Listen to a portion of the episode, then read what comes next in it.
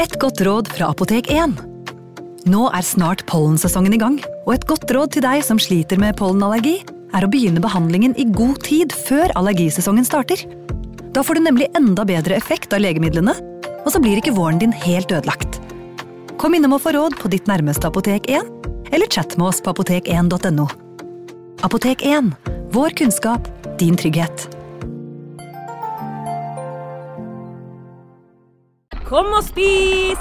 Kjøkkensjefen har middagen ferdig. Vi kommer! Vi skal bare Åh, det er da så morsomt her på Stiklestad! Ja, men sjøl en god viking må ha både mat og hvile. Og dessuten kan dere nå være noen dager. Velkommen til Scandic Stiklestad. Moderne fasiliteter i historiske omgivelser. Det var her det skjedde. Det er her det skjer.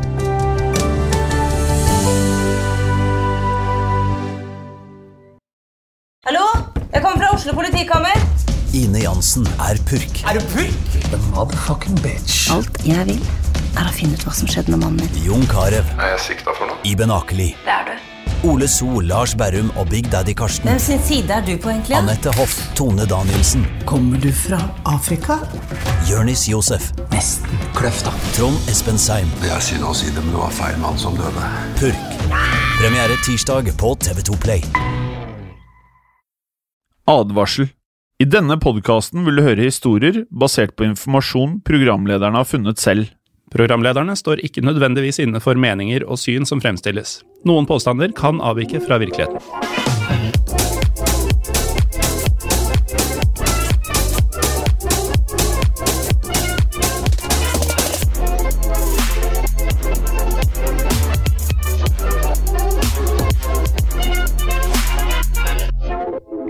Og velkommen til Historiepodden. Mitt navn er Jim Fosheim. Og mitt navn er Morten Galaasen. Hei. Hei, Morten. Du har vært ute og reist, og det er det jo ikke så ofte man gjør om dagen. Nei, det hadde ikke jeg gjort eh, altså ut av landet eh, siden februar 2020. Så det var på høy tid, spesielt med tanke på at nå ser det ut til å bli vanskeligere igjen, med de mørke skyene rundt omkring i Europa og andre steder. Mm. Eh, og med det, så sist eh, var vel både før og under lockdown at vi lagde en sånn treepisoders spesial i historiepodden om nettopp pandemi og de forskjellige sykdommer. Ja, pandemitrilogien fra, fra våren 2020. Det var både skummelt og oppløftende på en gang. Fordi øh, jeg lærte jo veldig mye om åssen sånne ting funker. Eh, Jeg husker allerede da da korona kom, så begynte man allerede å snakke om flere bølger. og sånn, og Jeg skjønte ikke helt hva de mente med det. Nei. Og så snakka vi om det. Og spanskesyken eksempel, kom jo da i flere bølger over flere år. Og vet du hva, Hjem? Den gikk over. Mm. Og jeg ble egentlig betrygget jeg, etter de tre episodene våre, for at uh, man ser jo at eh, ting ikke nødvendigvis alltid er en forklaring, men at ting går over til slutt. Ja, eh, ofte gjør det det. I hvert fall når det gjelder pandemier og virus og den type ting. Men det som skal snakkes om i dagens episode, det gikk ikke akkurat over. Nei, det gikk ikke over, men jeg må bare legge til en eh, ting til. Vi lærte jo også at eh, man kan eh, bruke katapulter til å skyte hoder fra mennesker som er infiserte, over til fienden, for å da spre det på den måten. Ja, og Det er kanskje nyttig lærdom for deg og meg. Ja, jeg, jeg syns jo det var relativt kuriøst, om ikke betryggende nødvendigvis. Så var det mye interessant informasjon. Og så kan ikke alt bekreftes, selvfølgelig. For når vi går langt tilbake i tid, som vi har lært i Storbodden, så er det ikke alltid vi finner eh, kilder som er 100% pålitelige. Men vi har også lært at de gangene det mm, påstås at noe absurd og på grensa til sinnssykt foregikk for veldig lang tid tilbake, så er det ofte sant også. Det er jo ofte sånn. Eh, I dag, Morten, så skal vi til en historie som inneholder det aller meste. Eh, og da alt fra katastrofer og også bunnløs fortvilelse til mirakler og også evige vennskap. Det høres jo nesten umulig ut at alt kan komprimeres i én. Ja, men eh, vi prøver. Vi prøver, og jeg kan også fortelle at eh, jeg tror eh, de fleste har et forhold til denne historien. Man har enten hørt om den via, via, via, eller så har man trodd at det kanskje er en vandrehistorie, men så er det faktisk sant. Eh, og det er fordi denne her er så ekstrem og utrolig eh, at man da tenker at det her som sagt ikke kan ha skjedd. Eh, og dette her er jo da historien som ble dramatisert på mesterlig vis i filmen Alive, som jeg tror veldig mange har sett. Har du sett den, Morten? Ja, jeg så den um, i ungdomsåret. Ja, du den kom vel ut i 93. eh, og gikk på TV noen år etter det, så jeg var eh, kanskje litt for ung til å forstå. eh, hvis jeg så den i 12-13-årsalderen, men den satte preg på meg. Ja, for den kom jo i 93, og jeg husker når jeg så den, så var det nesten sånn Jeg, jeg, følte i hvert fall jeg var for ung. Jeg hadde, klarte ikke å ha noe forhold til at disse menneskene måtte begynne å spise et annet type kjøtt enn hva du og jeg spiser, som vi da kommer nærmere tilbake til. Ja, det, det får bli seinere, for eh, nå må vi rett på sak og fortelle historien. eh, Og vi, vi pleier å begynne på begynnelsen, Jim. Eh, Så vi, ganger. vi gjør det nå igjen. Vi tar det fra starten. For det er en fordel denne gangen å ikke vite altfor mye om historien før man hører den, ettersom den inneholder eh, ganske mange vendepunkter. Noen mørke, noen lyse, før det da blir en veldig spesiell avslutning. Ja, Vi skal til et land som jeg aldri har vært i, mulig du har vært der, nemlig Uruguay. Nei, ikke vært i Sør-Amerika i det hele tatt. Nei, du har ikke det? Nei, det blir nok noen år til, i alle fall sånn det ser ut nå. Eh, Uruguay det ligger mellom Brasil og Argentina i da Sør-Amerika, som du nevnte. Og selv om landet kanskje er eh, mest eh, kjent, i hvert fall for meg, eh, for fotball, og også gode biffer, så er det faktisk slik at det er en annen idrett som også er, eller var veldig populær, nemlig rugby. Ja, Det visste ikke jeg så mye om. Nei, ikke jeg heller, eh, men det gir mening. For eh, briter brakte veldig mye ballsport ut i verden eh, på slutten av 1800- begynnelsen av 1900-tallet. Eh, Fotball selvfølgelig eh, rugby også. Ja, det er helt riktig det. Og i hovedstaden Montevideo fantes en idrettsforening som het Old Christians Club, som da besto av tidligere studenter eh, ved en kristen høyskole. Og vi vet jo ofte at eh, det meste av idrett eh, opp gjennom historien har startet på skoler eller universiteter. Det hender. Det hender. Og I studietiden så hadde de studentene her da dannet et rugbylag som sent på 60-tallet, rett og slett da, som mange fotballklubber, reiste rundt og spilte kamper med også mange tilskuere, både i Uruguay og også i Argentina. Ja, og I 1970 så reiste dette eh, kristne studentlaget til eh, Chile og spilte en rekke kamper. og Denne turen ble en stor suksess. og Det var en eh, minneverdig opplevelse for de unge spillerne, for de hadde aldri før sett disse massive snødekte Andesfjellene før. For å fly til Chile så måtte man nemlig krysse denne lange fjellkjeden. og mm, To år senere, i 1972, så bestemte laget seg for å gjenta suksessen og ta seg en ny tur til eh, Chile. Så da chartra de et eh, militærfly fra Uruguays eh, flyvåpen. Noe som kosta en del penger, og jo flere plasser i flyet som var ledige, desto mer ville jo hver enkeltbillett koste. Så spillerne de begynte derfor å overtale familie, venner og skolekamerater til å bli med på denne turen. Helt til de klarte å fylle flyet helt opp, eh, som betydde at det var 40 passasjerer, i tillegg til et eh, crew på fem personer. Ja. Passasjerene de var hovedsakelig, som det ofte er i idrett, unge eh, mennesker, og i dette tilfellet her menn, i alderen mellom 18 og 26 år.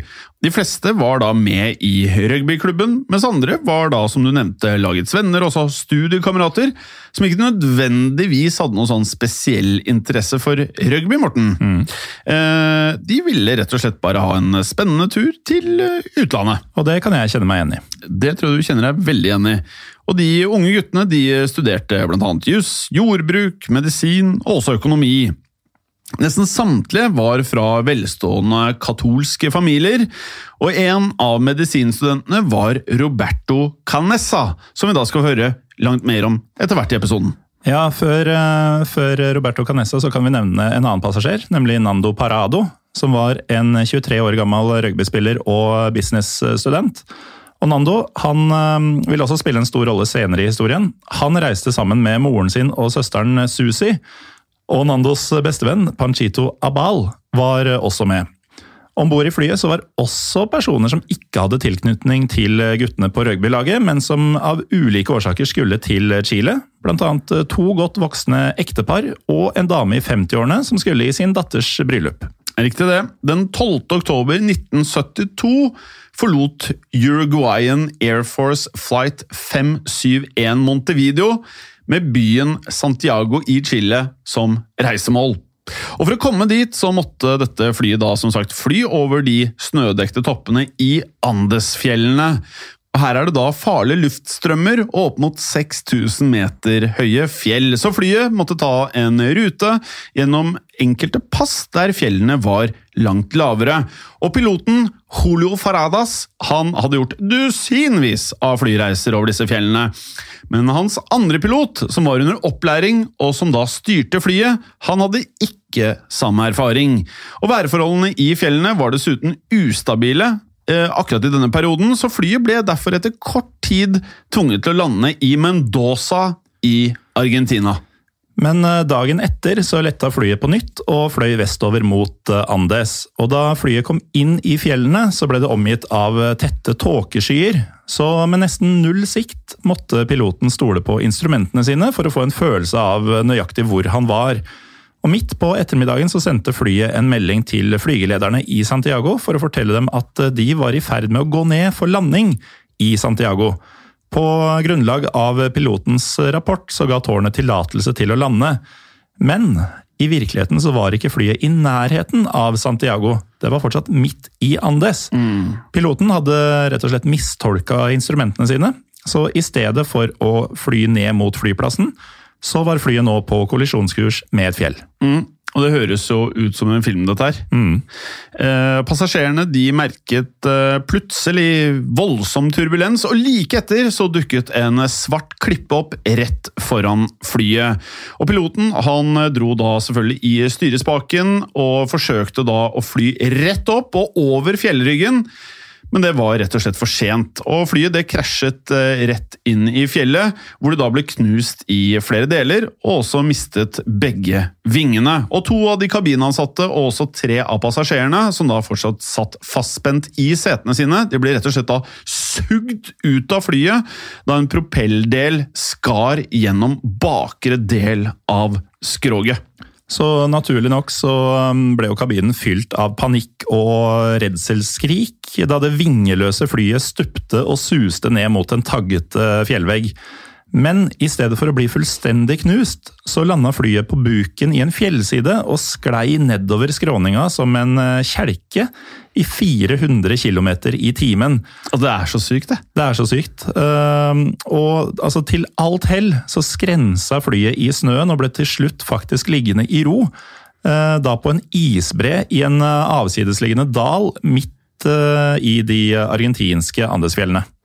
Og de fleste av passasjerene var eh, selvfølgelig da i en sjokktilstand. Og du kan bare tenke, du og jeg, Morten, vi har jo sagt det mange ganger i podkasten, vi er jo ikke nødvendigvis lagd av stål, vi. Nei, jeg hadde ikke takla det der så godt. og mange av de da hadde jo selvfølgelig masse skader av uh, ulik alvorlighetsgrad, selvfølgelig. Mm. Tolv mennesker hadde dødd i krasjen, deriblant Nando Parados sin mor. Så det var da altså 33 overlevende så langt, mm. Morten.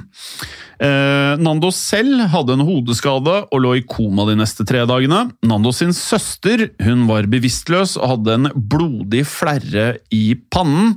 Og flere av passasjerene satt rett og slett fastklemt i ulike deler av vraket.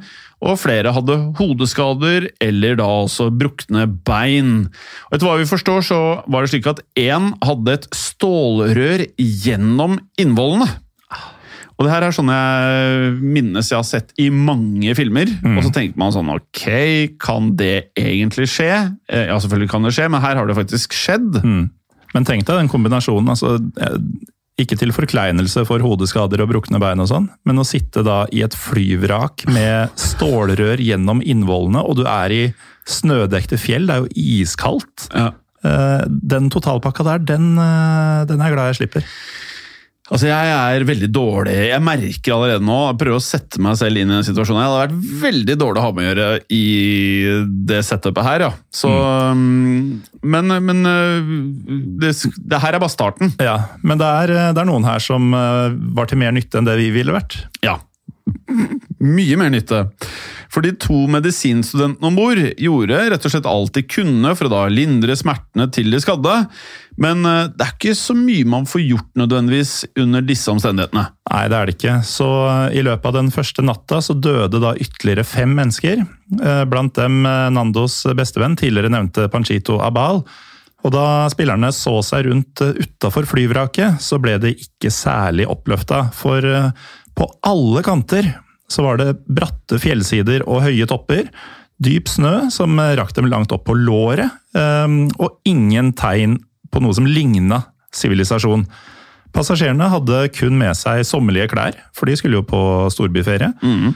Og det viste seg jo ikke overraskende da, å være et stort problem i den bitende kulda på det som viste seg å være 3500 meters høyde. Altså Det er ekstreme ting vi prater om her. Ekstremt. Det er ekstremt. Og dette minner veldig om eh, en episode vi hadde i sesong én, eh, Morten. Ja, Du tenker på Donner Party, ja. hvor uh, folk ble fanga i uh, ugjestmilde omstendigheter i bitende kulde og måtte ty til ekstreme ting for å overleve. Ja, mm. eh, Blant annet på Matveien ja. så skjedde jo ting. Mm. For dere som har da hørt denne episoden, så kan dere jo skjønne hvor vi skal. Eh, for dere som ikke har hørt den, gå tilbake og hør på den. Eh, eller vent på det dere nå skal få høre. Ja, hør denne først, og så gå tilbake og høre. Hør denne først. Um, Videre, for selv om denne flykroppen stort sett faktisk var intakt, du prater om at det fungerte som en kjelke, ehm, så ga den da lite beskyttelse mot været, selvfølgelig. Mm. Eh, og Passasjerene de stabla da det de kunne av kofferter foran åpningene i vraket, for å da prøve å lette på vind og kulde. Eh, og de 28 gjenværende passasjerene da stuet seg sammen på et område som var rundt det, det studioet her er, eller Morten? Nei, mye mye mindre enn dette. Er det mindre enn dette? Ja, ja. Ok. Det Fordi... var vel 7,5 kvadratmeter. altså Hvis vi runder opp til 8, da, ja. så er det to ganger fire meter. Uh, ja, halve så... det her, da.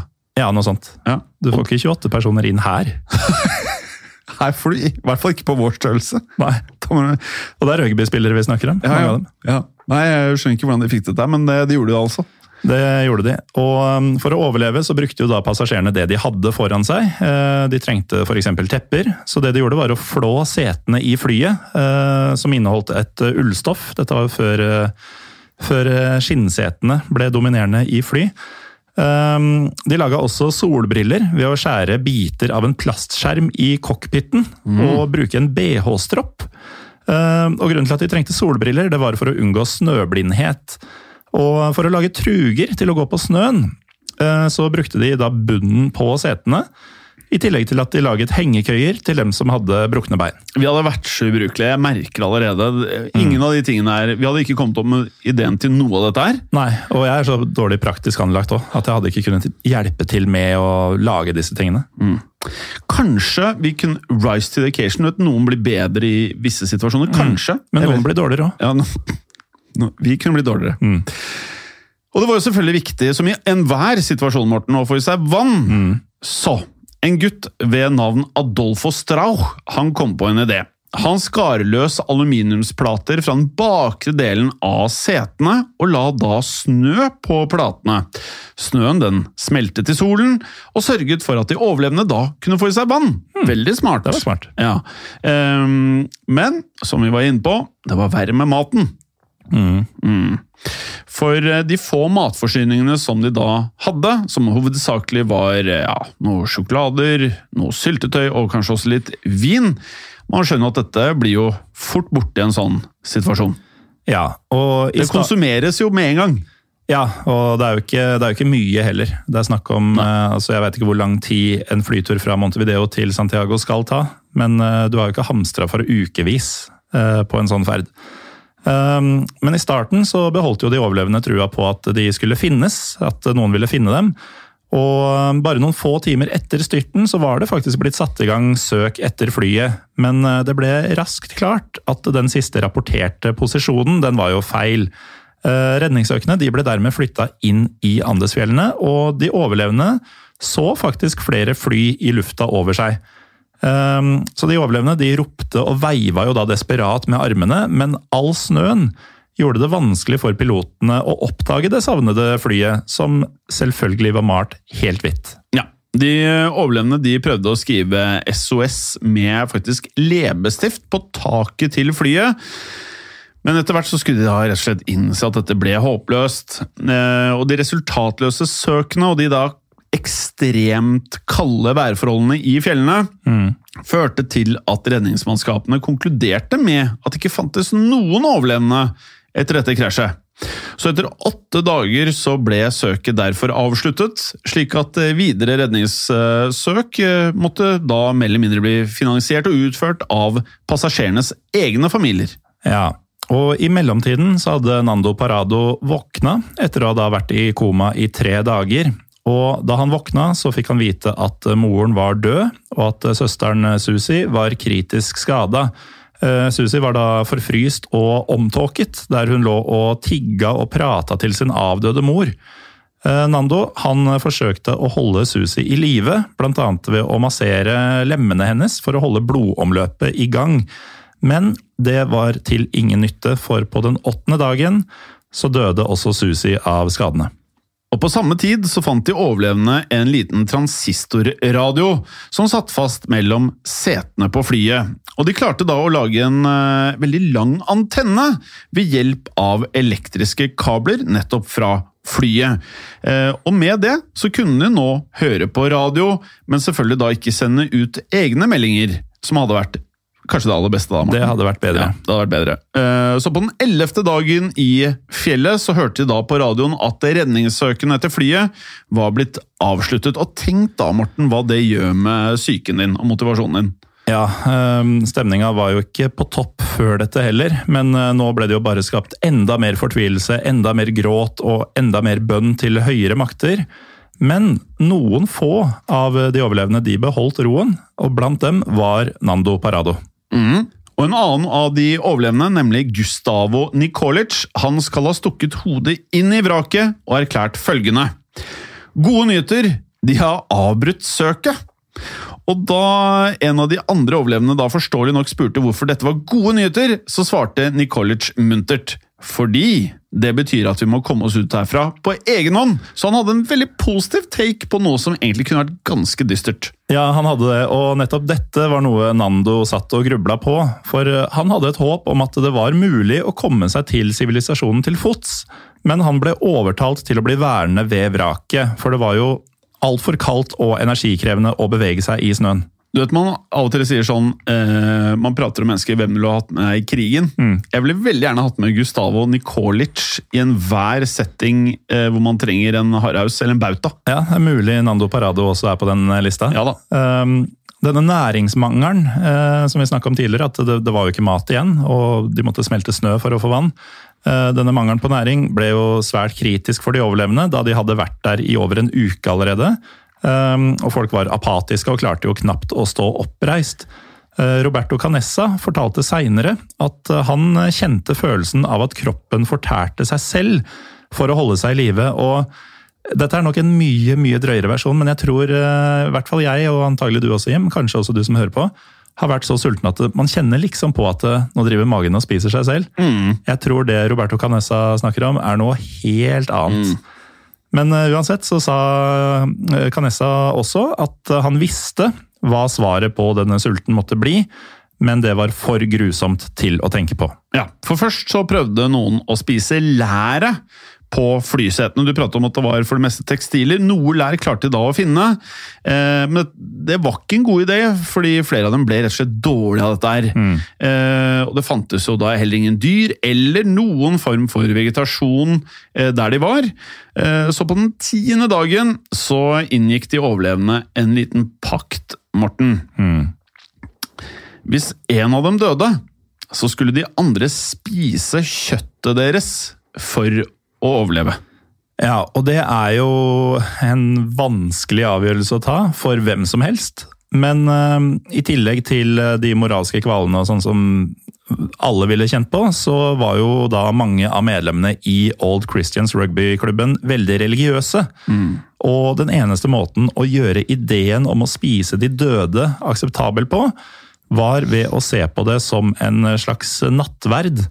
Ettersom Jesus hadde gitt sin kropp til å bli spist av disiplene, så skulle de døde nå gi fra seg sin kropp til de levende. Ja, og Nando Parado han, eh, han hadde en mer pragmatisk holdning til det hele, Morten. Mm. Uh, han forsto at kroppens behov for kalorier var uh, vanvittig, uh, og spesielt i denne høyden de var i. Mm. han hadde lett gjennom flyet utallige ganger på jakt etter noe, hva som helst, som kunne spises. og selv en smule føltes å kunne være nok her, men det var ikke noe å finne her. Så det var ikke noe annet valg, rett og slett, enn å ty til kannibalisme. Mm. Mm. Men han sørget for at likene til moren og søsteren ble fredet. Og her, for de av dere som har hørt episoden om The Donner Party, så var det litt det samme. Strandet i et sted hvor det ikke var noen annen mulighet, angivelig, mm. enn å spise menneskekjøtt. Ja, og om ikke historien har vært mørk nok til nå, så tar det jo en ordentlig dyster vending. Mm. Og i idet avgjørelsen med å skulle spise mennesker har blitt fatta, så blir det jo også en helt ny type roller som folk må forholde seg til. Og i Roberto, Roberto Canessas tilfelle så ble det hans oppgave å skjære opp og dele ut kjøttet. Ettersom han var medisinstudent og hadde da noe erfaring med kirurgi. Og Canessa han brukte knust glass fra frontruta på flyet som skjæreverktøy. Og han gikk da mm, foran som et eh, godt eksempel ved å være den første til å svelge den første strimmeren da med frosset kjøtt på størrelse med en fyrstikk. Fikk du også litt sånn øh, væske- eller spyttproduksjon i munnen nå? Ja, det, det er klissete nå. Mm. Uh, og senere gjorde flere det samme. Og Dagen etter så var det da flere som spiste kjøttet som ble tilbudt dem. Men eh, noen få nektet fremdeles, eller rett og slett klarte ikke å holde kjøttet nede. Og det skjønner jeg. Det skjønner jeg. For bare å prate om det, så er det faktisk litt mm. ubehagelig. Um, og passasjerene Javier Methol og kona Liliana, uh, den eneste kvinnen faktisk blant de overlevende, var de to siste som da valgte å spise uh, menneskekjøttet. Og etter å ha innsett da at det var deres eneste måte å holde seg i live på, men eh, det tror jeg de alle innså. Ja, det gjorde de. Og um, for å gjøre kjøttet um, mer spiselig, så valgte de overlevende å tørke det i sola. Og i starten så var de så rysta av tanken på å spise det som tross alt var ikke bare mennesker, men det var deres venner og deres slektninger, at de bare klarte å spise hud, muskler og fett. Men etter hvert som tilgangen på kjøtt ble redusert, så spiste de også hjerter, lunger og til og med hjerner. Men uansett hvor grusomt det var å gjøre det her, så fikk passasjerene da i seg eh, verdifulle proteiner og fett. Ja, det er eh, ganske heftig dette her, men eh, om situasjonen ikke var ille nok for de overlevende, skulle tilværelsen deres bli langt verre, kan vi fortelle. Men først en liten pause. Og vi har vel aldri trengt en pause mer enn nå? Mm, føles ikke sånn. Velkommen tilbake. Før pausen hørte vi at de overlevende var blitt nødt til å spise de døde vennene sine for å da kunne holde seg i live mens de da håpet på at eh, noen en dag enten ville redde dem, eller at de klarte å finne frem til eh, en sivilisasjon selv.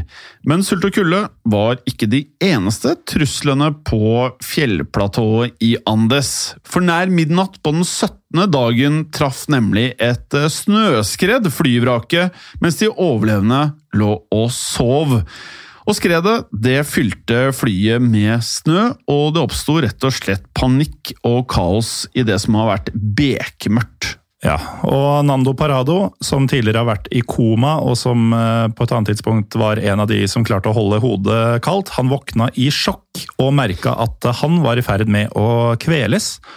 Da panikken senka seg, så oppdaga Nando og de andre overlevende at hele åtte personer var blitt drept som følge av skredet.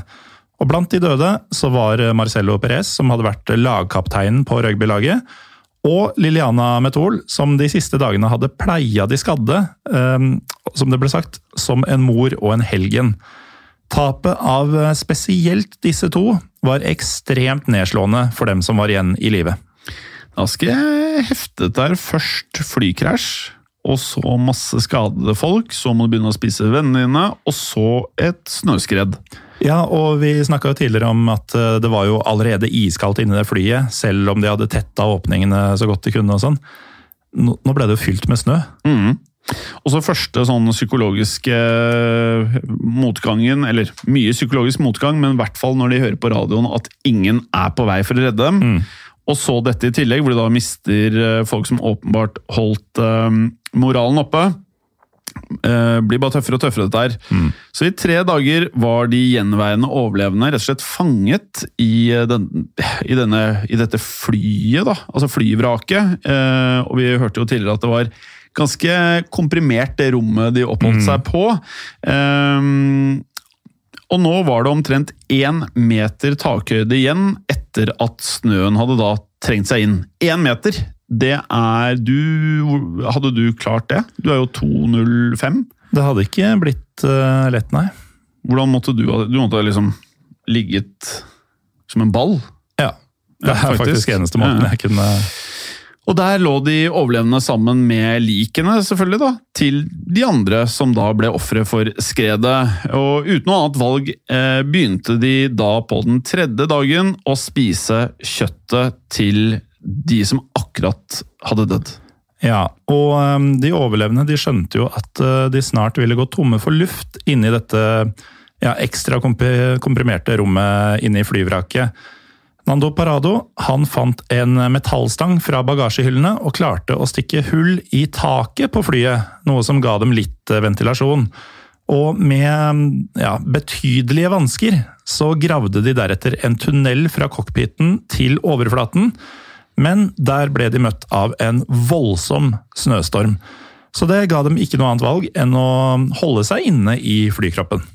Det er som en umulig situasjon, dette her. Ja, og alt som kan gå gærent, uh, går bare enda mye verre enn du kan forestille deg. Det blir bare verre og verre og verre. Mm. Uh, og snøen da som hadde begravd flykroppen, den uh, smeltet gradvis etter hvert som sommeren kom til den sørlige halvkule i november.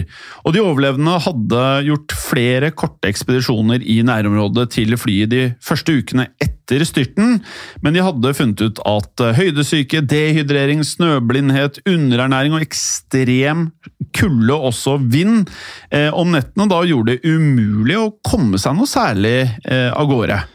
Likevel så bestemte passasjerene at noen få personer måtte reise ut for å finne hjelp. Og det var jo bedre å i det minste prøve å finne en løsning og bli redda, enn å måtte leve i dette marerittet som de befant seg i.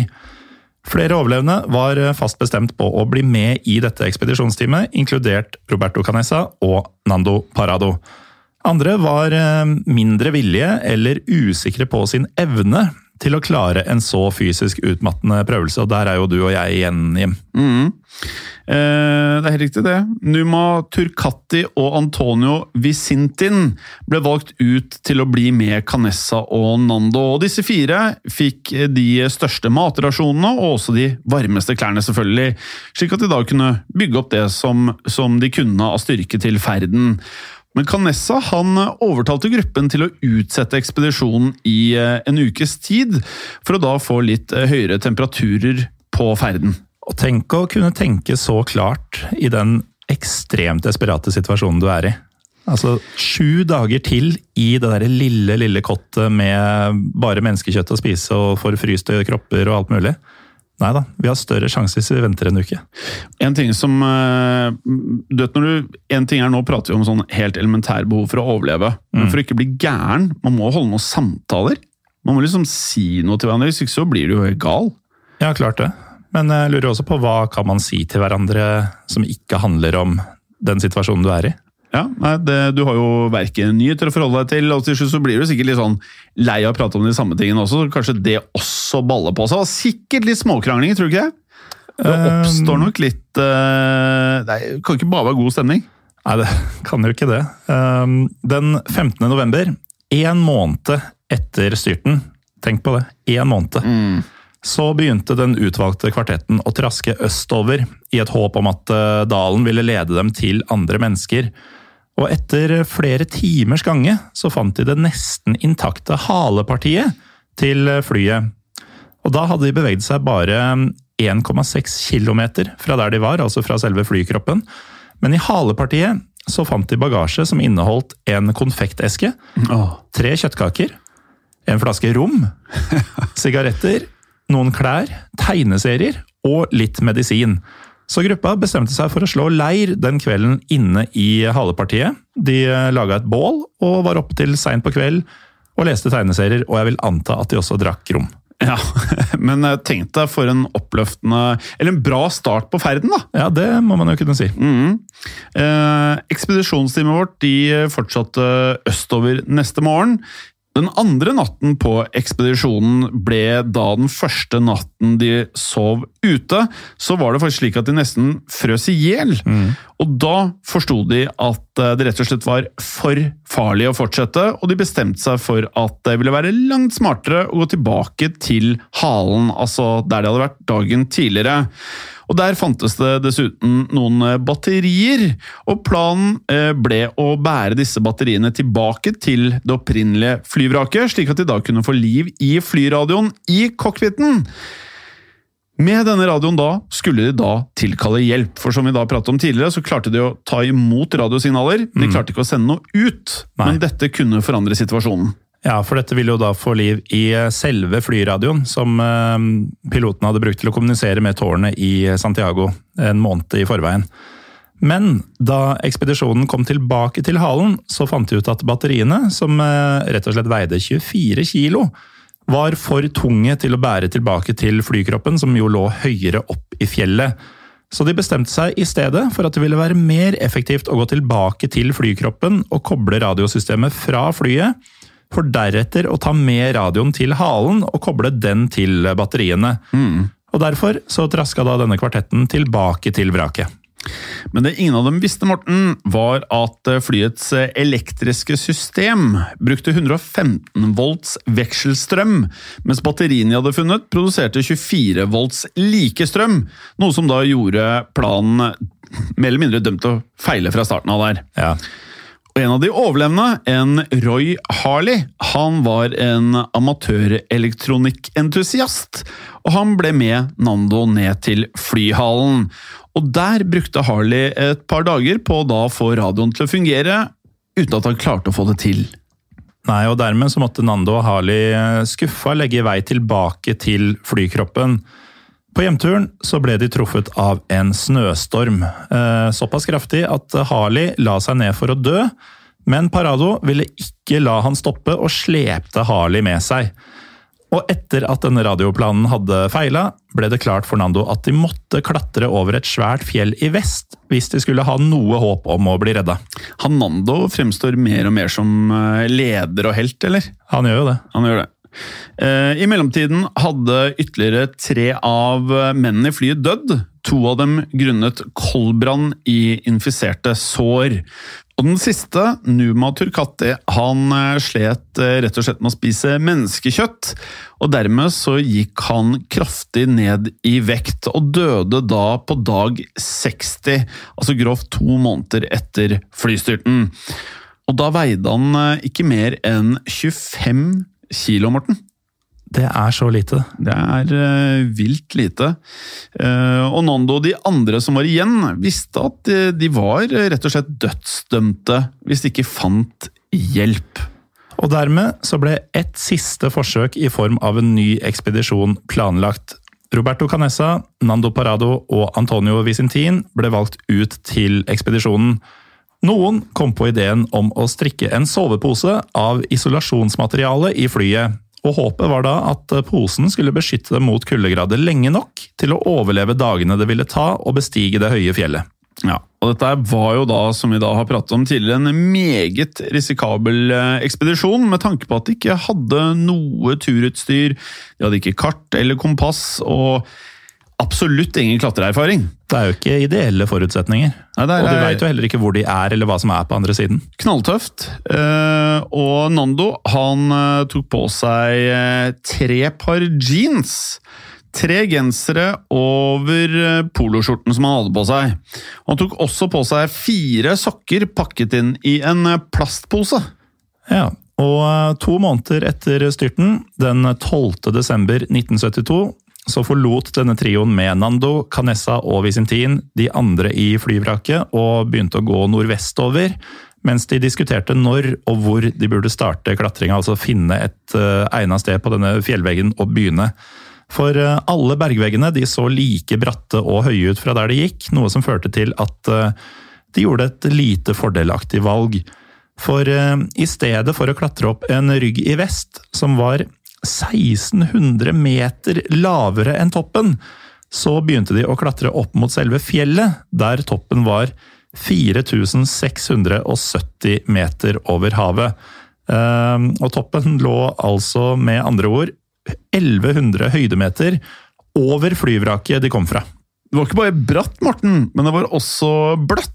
Slik at de improviserte trugene deres de sank rett og slett ned i snøen. Ja, Trugene som da var laget av en del av setene, ja. som vi husker.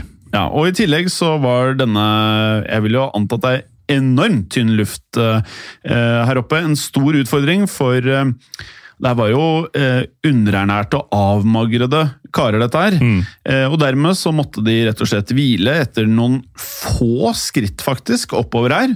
Eh, før de da kunne ta nye skritt. Så med andre ord så var denne oppstigninga ekstremt fysisk krevende, og det var lenger til toppen enn de trodde, som jo også gjør det ekstremt psykisk krevende. I tillegg så løsna en stein og holdt på å treffe Canessa i hodet.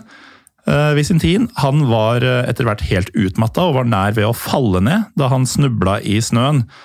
Og eh, trioen de overnatta faktisk i den nesten loddrette fjellsida. Derfra så kunne de skue utover et panorama av mektige fjell, opplyst av den klare himmelen med stjerner. Men uh, utsikt det var det ikke noe tid til å nyte nå, de måtte videre på ferden. Ja, Trioen de befant seg på flere tusen meters uh, høyde, og temperaturen var da ti minusgrader. Og Her kommer litt uh, tilleggsinformasjon til historien, Morten. Mm. Foruten at Roberto Canessa var klar over det, så var det faktisk slik at uh, Vi nevnte jo her at hvis man skulle gjøre mer leting etter passasjerene her, så måtte det skje av familien. Ja, Eller private initiativ. Nettopp. Foruten at Roberto Canessa var klar over det, så var det slik at eh, faren han eh, fløy faktisk rundt i eh, fjellene på samme tid og lette etter overlevende. Og faren hadde da nemlig aldri gitt opp håpet om at sønnen og de andre fortsatt var i live. Etter ytterligere to dager, to utmattende dager med klatring i fjellsidene, så nådde Nando og Canessa faktisk toppen, på disse 4670 meternes høyde. Men synet som møtte dem, var skremmende. Fjell på alle kanter, ingen tegn til sivilisasjon. Og duoen forsto at de var enda lenger inn i fjellene enn de hadde trodd, og deres antagelse om at de var nær byen Curico i Chile, var basert på den samme navigasjonsfeilen som hadde forårsaka flystyrten i utgangspunktet.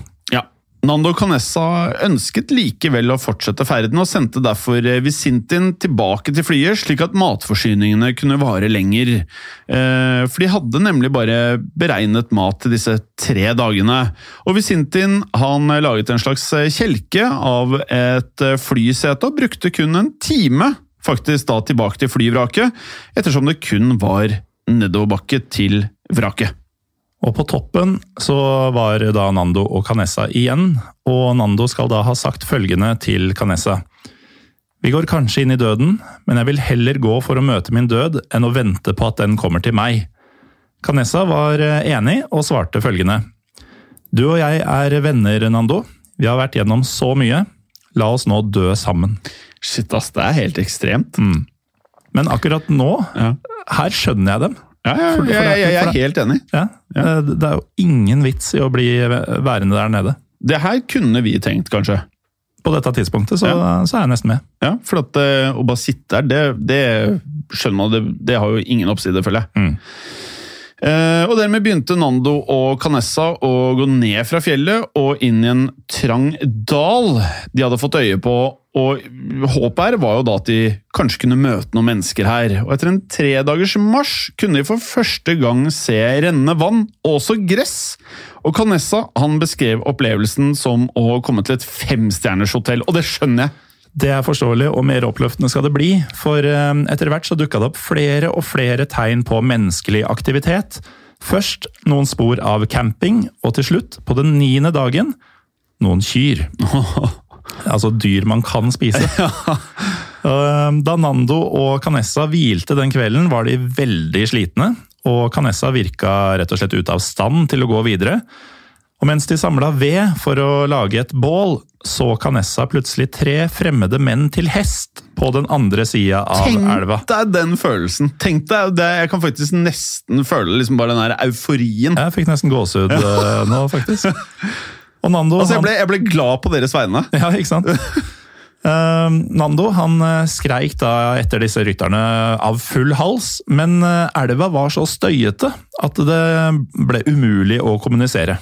Ja, men en av mennene ved elven så til slutt Nando og Canessa og ropte tilbake Manjana. Som betyr i morgen, Morten. Det gjør det. Eh, dagen etter så kom mannen tilbake, for det var det han mente. Mm. Manjana, jeg kommer i morgen. Yes. Ja. Eh, og han kastet da en lapp og en blyant over elven, ved å da feste dem til en stein og en snor. Eh, og på lappen sto det et spørsmål Si meg hva dere vil. Og Nando han tviholdt på blyanten og skrev følgende på lappen. Jeg kommer fra et fly som styrta i fjellet. Jeg er uruguayansk. Vi har gått i ti dager. Jeg har en såret venn her. I flyet er det fremdeles 14 skadde personer. Vi må komme oss ut herfra raskt, og vi vet ikke hvordan. Vi har ikke noe mat, vi er svake. Når kommer du for å hente oss? Vær så snill, vi kan ikke engang gå. Hvor er vi? Ja, og Den fremmede mannen han leste jo da dette her, og signaliserte at han forsto før han da kastet over et stykke brød og litt ost. Og dette her må jo ha vært som et festmåltid. Kalas! Ja, det må det ha vært. Ja. Eh, og lite overraskende så hev jo da Nando og Canessa, altså våre to helter, eh, de hev seg over maten, som da smakte bedre enn noe de noen gang tidligere hadde kjent. Mm. For deretter så gravde de ned de siste bitene av menneskekjøtt da, som de hadde hatt med seg. Eh, og de hadde da gått 38 km over ti dager! Ja, og det, det, høres jo ikke så mye ut sånn isolert sett, altså tre-fire kilometer om dagen, men når vi veit at det har vært opp eh, 1100 høydemeter og ned, og du er utmatta fra før du starta Altså, er det... De er jo sikkert halvparten av det de var, altså i vekt Eh... Ja, antagelig mindre enn det også. Ja. Um, Nando og Canessa de ble fortløpende tatt hånd om av lokalt politi og redningsmannskap. Og Dagen etter så var eh, de to med opp i eh, helikopteret for å peke ut stedet der flyvraket lå. Og alle de 14 overlevende ble redda fra fjellene. Det er helt rått. 72 dager etter flystyrten. Og dette var jo selvfølgelig en verdensnyhet, og um, det hele ble omtalt som mirakelet i Andes. Altså Når vi sier 14 overlevende pluss av disse to, 16, det er jo over en tredjedel av ja. de som uh, satte ut på ferden. Det er det. det. det. her skal egentlig ikke være mulig. Nei. Nei, Det skal ikke det. Det skal ikke kunne ha skjedd. Nei, men det har skjedd. Mm.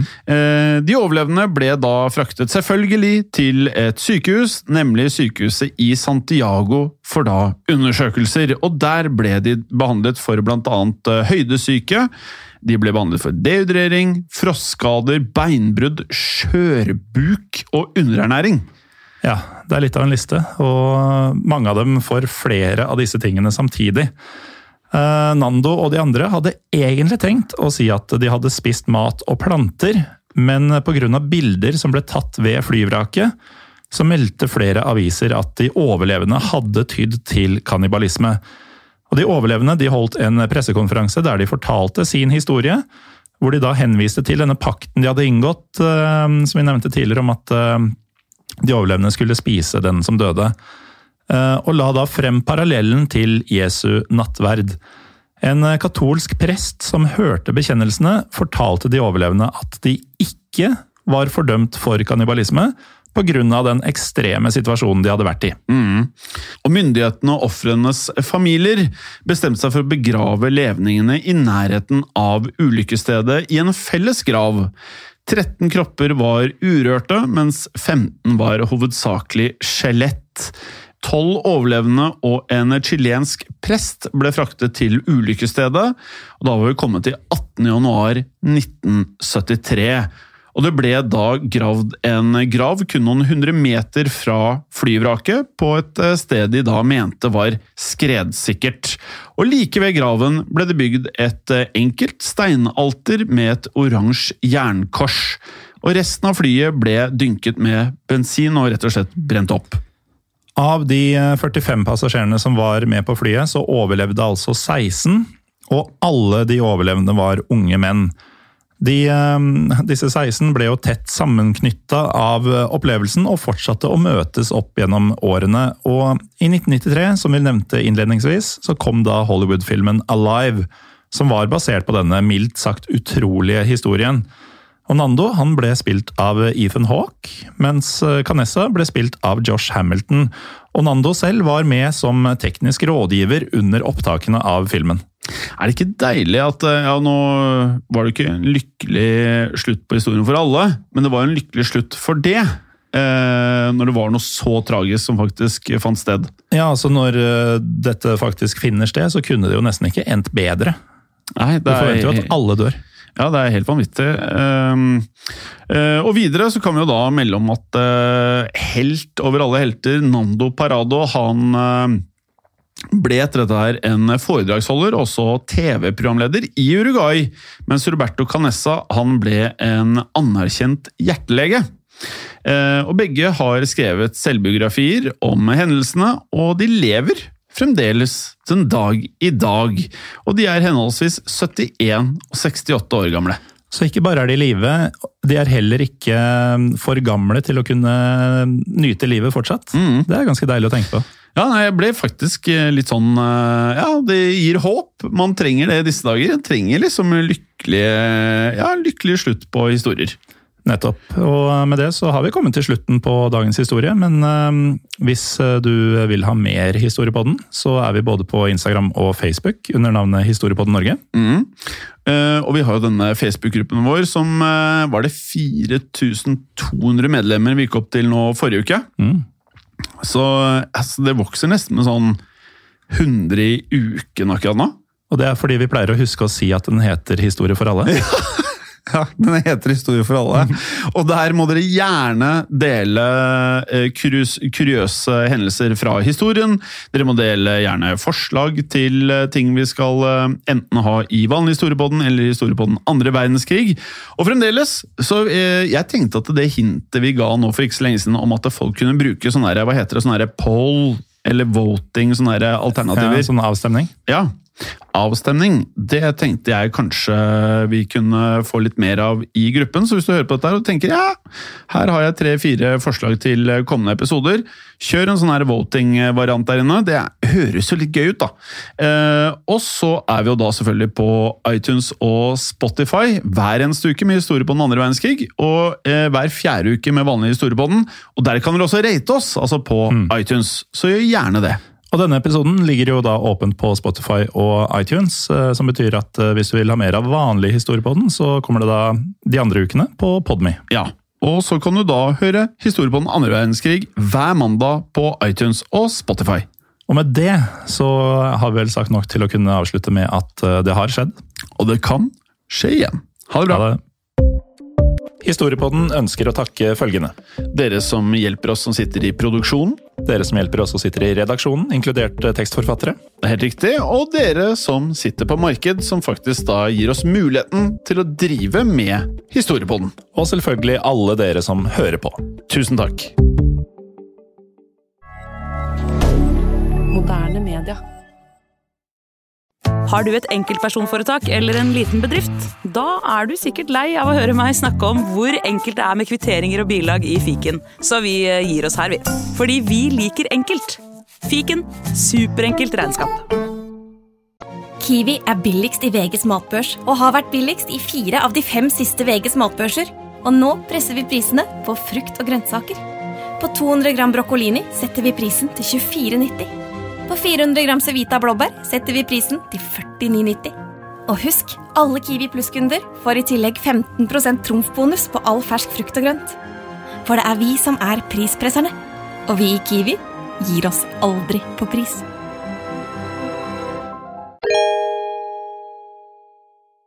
Hei, takk for at du lytter til Synderne. Skulle du ønske at du kunne høre en ny episode av denne podkasten hver eneste uke? Vel, da er det bare å laste ned podkastappen Untold med en gang. I tillegg til ukentlige episoder av podkaster som Skrekkpodden, True Crime-podden og Henrettelsespodden får du masse annet reklamefritt og eksklusivt innhold. Last ned Untold i AppStore eller Google Play, og start din 30 dagers prøveperiode i dag.